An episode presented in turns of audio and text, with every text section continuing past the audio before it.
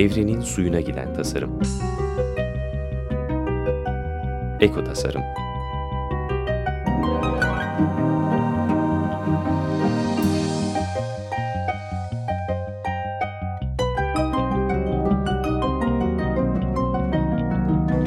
Hazırlayan ve sunan Nurhan Kıyılır. Merhaba Açık Radyo dinleyicileri, kulak verdiğiniz için teşekkürler. Ee, Bal gibi de başka bir dünya mümkün serimizin dördüncüsü bu. Ee, sürdürülebilir yaşam için filmlerin e, kurucusu Pınar Öncel'le daha önce üç program yaptık. Ee, bir sürü sosyal girişimcilik örnekleri var. Ee, kocaman etkiler yaratıyorlar. İyi şeyler de oluyor etrafımızda. Ama bunlar maalesef medyada kendilerine e, çok az yer bulabiliyorlar. O yüzden de bal gibi de başka bir dünya mümkün dedik ve bu örnekleri anlatmak için yola koyulduk. Ee, bu seriyi birlikte anlatmaya başladığım Pınar yok bugün. Ben devam edeyim. E, Seeds of Freedom, özgürlük tohumlarından bahsetmek istiyorum. Bu bir film, e, 30 dakika. İzlemenizi tavsiye ederim. E, Sürdürülebilir e, Yaşam Film e, Festivali'nin e, kapsamında bunun bir sitesi var. Oradan izleyebilirsiniz. E, film 2012 yapımı. E, tohumların nasıl besin kaynağı olmaktan çıkıp kar kaynağı olduklarını anlatan bir film. E, tohumlarla oynayan şirketleri anlattığı kadar e, madem hani olumlu şeylerden bahsedeceğiz. Tohumlarına sahip çıkan, mücadele eden çiftçileri ve insanları da anlatıyor bu film. E, filmi sevebilirsiniz. E, filmi sevmeniz için birkaç neden daha söyleyebilirim. E, Dr. Van, Vandana Shiva ve Hank e, Hobelink gibi uluslararası uzmanlarla yapılan söyleşiler de var içinde. E, Vandana Shiva'yı hatırlatayım biraz. E, 62 yaşlarında şu an. E, böyle çiftçi bir anne ile orman e, bekçisi bir babanın çocuğu. Ee, çocukluğu Himalayalarda geçmiş. Vandana Shiva uluslararası bir lider ve siyasi aktivist duymuşsunuzdur. Ee, ekolojinin en önemli uzmanlarından birisi. Hindistan ve diğer gelişmekte olan pazarların e, özelleştirilmesi, endüstri, endüstrileşmesine, e, küreselleşmesine karşı mücadele veriyor. E, mücadele ettiği üç temel konu var. Bir tanesi tarım reformu, diğeri suyun özelleştirilmesi ve e, biyolojik çeşitliliğin özelleştirilmesi. E, Vandana Siva e, kuantum e, fizikçisi. E, böyle bir kuantum fizikçisi olmasına rağmen kariyerini bir tarafa koyuyor ve kendini doğduğu toplar, topraklara adıyor. Ee, Özgürlük Tohumları filminde Afrikalı çiftçiler de tohumu toprağı kendi deneyimleriyle anlatıyorlar. Gea Vakfı ve Afrika Biyoçeşitlilik Ağı yardımlarıyla çekilen e, bir film bu. E, bu filmin seslendirmesini Jeremy Irons yapmış. Müthiş bir ses, müthiş bir sanatçı. E, fi, filmi izlemek için e, bir tane daha iyi bir bahane bu. E, şimdi filme e, geleyim. E, tarımdaki çeşitlilik inanılmaz. E, insanlar tarım yapmaya başladıklarından beri e, geliştirilen muazzam bir e, çeşitlilik var. E, bu çeşitlilik endüstriyel tarım ve genetiği değiştirilmiş tohumlar tarafından ama yıpratılmaya çalışılıyor. E, küçük çiftçilerin bin yıllardır yetiştirdiği besin değeri yönden zengin, yerel iklimle uyumlu ve dayanıklı çeşit çeşit tohumun e, genetiği değiştirilmiş tohumlardan oluşan monokültürlerle yer değiştirmesine yönelik baskı gittikçe artıyor. E, siz de gözlemliyorsunuzdur ya da duyuyorsunuz çeşitli kaynaklardan. En azından Açık Radyo'da bu konu e, defalarca e, gündeme geliyor. E, tarımda tarım yöntemlerinde pek çok değişiklikler ve çıkar çatışmaları var. Çatışmanın en büyüğü de tohumda yaşanıyor. Film e, tohumun kültürümüzde ve tarımda nasıl kutsal bir şey olmasından böyle küresel gıda üretimini tekelleştiren bir metaya dönüşmesini anlatıyor. E, tarımla iş dünyası, gerçekle yalanlar arasındaki e, çatışma bu. E, şirketler tohumdan gelen karı gördükçe e, milyonlarca yıldır gelen tohumların genetiğiyle oynamaya başladılar. E, yaptıkları şeyin dünyayı beslemekle de alakası yok. E, yiyecek ekonomisini ele geçirmeye çalışıyorlar. Kısmen de e, ele geçirdiler. Tohum dediğimiz şey hayatın e, bir küçüğü, e, bir merkezi. E, küçük bünyesinde kocaman farklılıkları barındırıyor. Yeni doğanları kutlamak için e, tohum ekeriz. Biri öldüğünde de mezarına tohum ekilir. E, tohumlar sadece yiyecek için değil, e, bunların bir ruhani anlamları da var. Ayinlerin vazgeçilmezleri. Eskiden beri ortama, çevreye uyum sağlayan tohumlar e, ekiliyordu. Böylece evrimsel değişiminde bir parçasıydı tohumlar. Her yıl taze olarak hasat edilen, saklanabilen, paylaşılan ve çapraz olarak döllenebilen tohumlar kullanılıyordu. E, her bir tohumda ve e, hasatta zeka var. E, kocaman bir zeka var. E, bu da iyi yemek ve kaliteli yemek demek. Ee, en yüksek kalitede beslenmeyi sağlıyor bunlar. Ee, tek bir çeşitte yeterli değil ama e, direnç içinde tohumlar yetiştiriliyor. Tek bir ürüne bağlı kalınmıyor. İklim değişiyor, şartlar değişiyor, besin ihtiyaçları da çeşitli. E, tüm bu olup bitenler bir parça aklıma İdiokrasi filmini getirdi. İzlemeyenlere tavsiye ederim. E, çok yeni bir film değil, bilenleriniz de olabilir.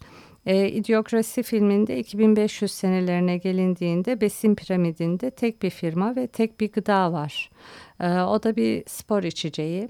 Tarlaları bile onunla suluyorlar. E, hatta e, suyu sadece ve sadece tuvalete kullanıyorlar. Bebeklerini onunla emziriyorlar. Halkın IQ seviyesi, zeka seviyesi yerlerde sürünüyor. E, herkesin ortak söylediği şey ise I love money, parayı seviyorum. 20. Ee, yüzyılın e, başında tarımda teknoloji artıp insan gücü e, ihtiyacı azalınca insanlar tabii şehre göç etmeye başladılar. Ee, savaşın çıkmasıyla birlikte de kimyasalların üretimi ve e, kullanımı arttı bildiğiniz gibi. E, savaş bitti. Bu şirketler bu kimyasalları ne yapacaklar? Yeni alanlar yaratmak lazım tabii kendilerince. Buldular da buldukları alanlardan biri de tarımdı e, sinir gazı e, ve benzeri kimyasalları e, biraz değiştirerek tarladaki zararlar için mücadele ilaçları yarattılar. Oysa atalarımız bu kimyasallara hiç ihtiyaç duymamıştı. Doğa da ihtiyaç duymuyor. Meksika'da erozyona uğrayan topraklar gübre bağımlısı oldular. Ee, yani sadece insanlar bir şeyin bağımlısı olmuyor. Doğa da olabiliyor. Bir kez kullanınca ertesi yıl da kullanmak zorunda kalıyorsunuz. E, kimyasallar arta dursun. E, eski paylaşılan ve muhafaza edilen tohumlara kimse e, dokunmamıştı. E, hep kimyasallar üretiliyordu. Sonra gözlerini tohumlara da diktiler ve hibrit tohumları icat ettiler. İki doğal ebeveyn bitkinin çapraz döllenmesiyle hibrit tohumlar elde ettiler. İlk nesilde verimliler. Aa, gayet de iyi görünüyorlar. E, ama 2 ve 3. E, nesilde verimliliklerini kaybeden tohumlar bunlar. 1960'larda ee, ama firmalar bu tohumları iyice yaydılar. Ee, global tarımın çok kazançlı bir şey olduğunu e, ve yiyeceği tek ele almanın kazançlı bir şey olduğunu anladılar. İlk başta çiftçiler bu tohumları e, benimsediler, kandılar diyelim. Verimlilik elde ettiklerini düşündüler daha az işçilik ve daha çok paranın hayaline kapıldılar belki de. Topraklarında e, çaydı, kahveydi gibi tek tip ürün yetiştirmeye başladılar. E, ama sonra bir gün geldi, aynı tohumu bir daha kullanamayacaklarını anladılar. E, gün geçtikçe kimyasaldı, gübreydi, tohumdu derken maliyetleri de arttı üstelik. Uluslararası pazara bağımlı olduklarını anladılar. E, çünkü ihracat için tarım yapıyorlardı. E, kendi tohumlarının yemek için, diğerlerinin ihracat edilen ürünler yetiştirmek için iyi olduğunun da farkına vardılar. Firmalar tarlalarını tek bir ürün için kapamaya başladılar. Artık hani çeşitlilik yerine tek bir ürün vardı. E, bu tohumların hayatta kalmayı tehdit eden bugünden yarına sürmeyecek tohumlar olduğu e, anlaşıldı nihayet. E, geç kalındı ama yine de her şey için çok geç değil. 1953'te DNA sarmalının bulunmasıyla tohuma da hakimiyet başladı daha da fazla. E, genetik mühendisliğiyle hücre, organizma ve türler arasında genetiğin taşınması gibi. Tarımda verimlilik, kuraklığa karşı direnç, daha iyi lezzet, daha çabuk olgunlaşma gibi e, pek çok tarım alanında kullanılabilecek bir mühendislikti bu. E, bu teknoloji etik tartışmaları da beraberinde getirdi tabii duymuşsunuzdur. Ama bunun kararları tarlada değil e, mahkeme salonlarında alınır oldu. E, 1991 yılında bir dönüm noktası daha oldu. Dünya Ticaret Örgütü e, mikroorganizmalar ve üretim süreçlerinde de patent hakkı tanıdı. Daha önce bu patentler e, icatlara veriliyordu. Artık günümüzde bu icatlarda bile patentlerin kaldırılması düşünülürken, kaldırılması gerekirken hani düşünün bir de tarımda böyle bir şey var. E, bu yeni kanuna göre tohumun genetiği değiştirilip belli genlere sahip olduktan sonra bunlar patentlenip özel mülk haline getirilebiliyor. E, tohum açısından bakıldığında bu hayatın kendisini e, mülkiyet tehdidi gibi çiftçinin elinde bulunan e, çeşitlilik tohumlarının, e, özgürlük tohumlarının karşı karşıya kaldığı bir tehlike. 1992 ee, yılıydı. Kimyasal e, üretici dev e, Monsanto ilk GDO'lu genetiği değiştirilmiş e, tohumu üretti. Soya, sonra da mısır ve kanola ürettiler. Genetiği değiştirilmiş tohumların tek bir temel özelliği var. Ee, Monsanto'nun 1980'den beri en çok satan e, bitki kıran Roundup'ının e, zehirli etkilerine karşı direnç göstermesi için üretildi bunlar. Yani bir kimyasal e, için üretildi bu tohumlar. Ee, bunlar e, öncelikle tabii kimyasal e, ürünler üreten şirketlerdi. Sonra tohum üreticileri haline geldiler. E, tohuma hakim olarak gıdadaki karlılığı elde ettiler. Yüzlerce çiftçi senelerdir tohumlarını saklayıp yetiştiren çiftçiler tarlalarında Roundup tohumları bulunduğu için mahkemeye verildi. Tohumlar yandaki tarladan rüzgarla, arıların e, taşımasıyla gelmiş olsalar bile bu çiftçiler mahkemeye verildiler. Bu durumda tohum ve bitkinin sahibi artık çiftçi değil, e, Roundup oldu. E, fikir patent ihlaliyle yargılanan o dönemlerde e, ve hala e, böyle yüzlerce çiftçiler var. E, tohum korsanlığı hakkında e, yüzlerce çiftçiye dava açıldı. E, hala da sürüyor bu davalar. Tohumu kontrol ederek çiftçiyi kontrol altına alarak tüm yiyecek üretimine e, hakim olmaya çalışıyorlar. E, GDO'lu tohumlar Kuzey Amerika'dan sonra Arjantin, Paraguay, Brezilya ve Hindistan'a yayıldı. E, çiftçiler gün geçtikçe daha güçlü, daha süper e, kimyasallar ve tohumlar kullanmaya başlamak zorunda kaldılar. E, pek çok çiftçi e, gübre, tohum, kimyasallar derken de e, borç batağına girdi. Bir sürü Arjantinli çiftçi e, bu sayede e, bunlarla başa çıkamayarak topraklarını büyük toprak sahiplerine endüstriyel tarıma terk etmek zorunda kaldılar. Ee, geleneksel tarımın yerini yenileri aldı. Yan tarladan uçup gelen Roundup tohumlarla mahsulleri mahvoldu. Ee, bitki kıran kullanımı arttıkça arttı. Ee, yani e, yılların çiftçilik öğretileri, bilgelikleri çöpe atıldı bir nevi. Ee, çeşitliliğin kaybolmasıyla güvenlik de kayboldu. Gıda çeşitliliği, iş bölümü, besin kaynakları kayboldu. Oysa çeşitlilik hayatta kalmak demek, e, çiftçi olmaya devam etmek, üretmeye devam etmek demek.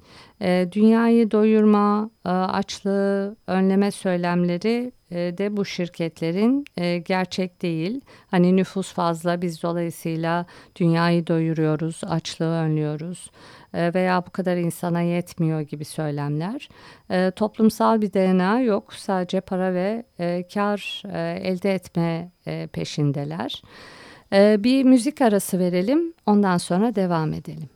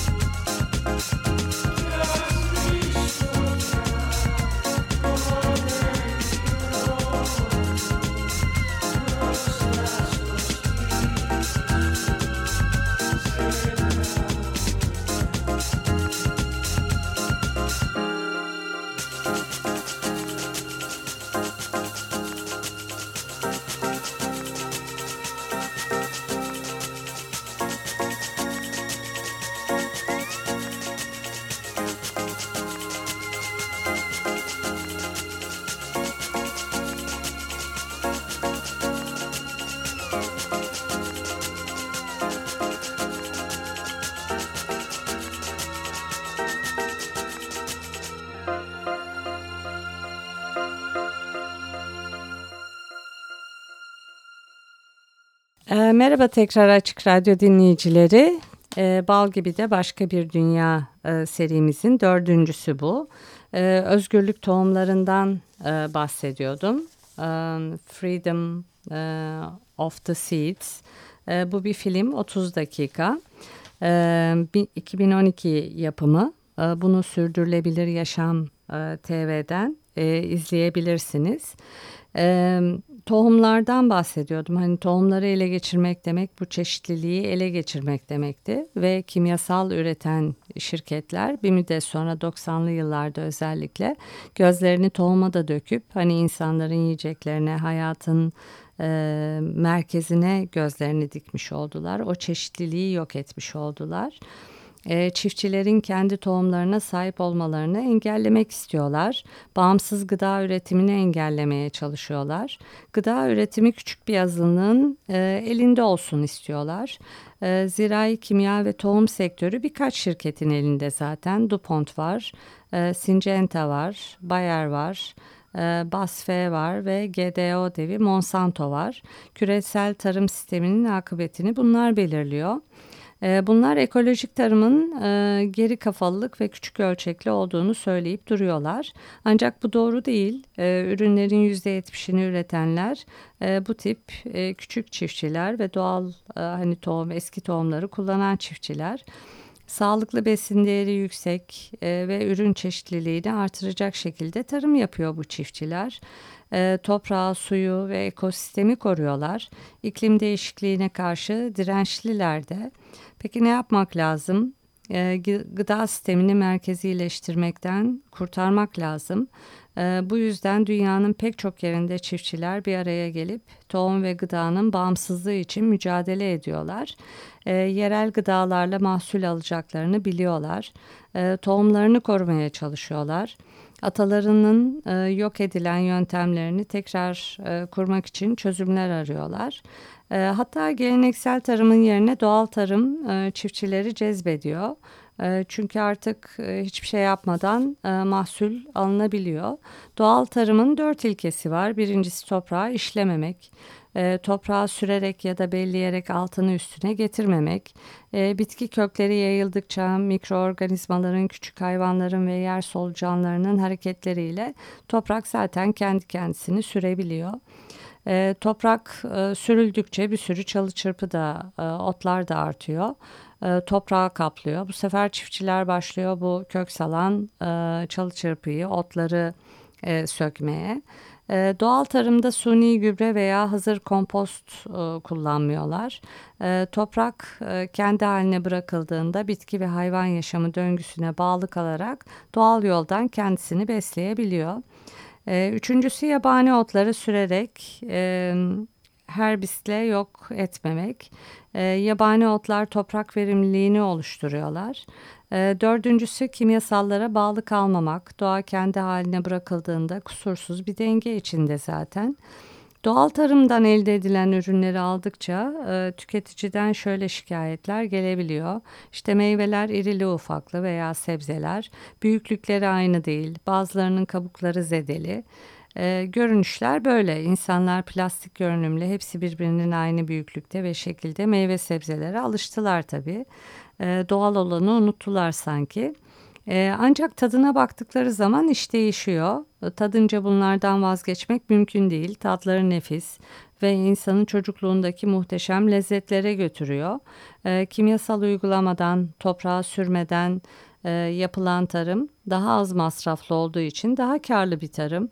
E, çevredeki diğer çiftçiler de e, ceplerinde bir şey kalmadığını gördükçe doğal tarıma yöneliyorlar. Nasıl yapıldığını merak ediyorlar.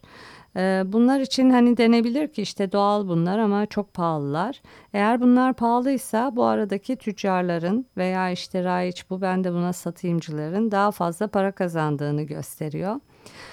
E, velhasıl e, doğayı herhalde sadece çocuklar anlayabiliyor. Hemen kaynaşıyorlar. E, çocuk kalmak, e, çocuğun berrak bakış açısına sahip olmak lazım.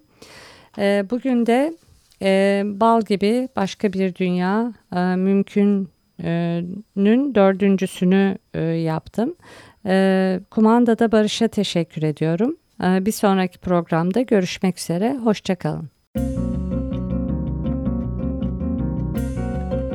Evrenin suyuna giden tasarım. Eko tasarım.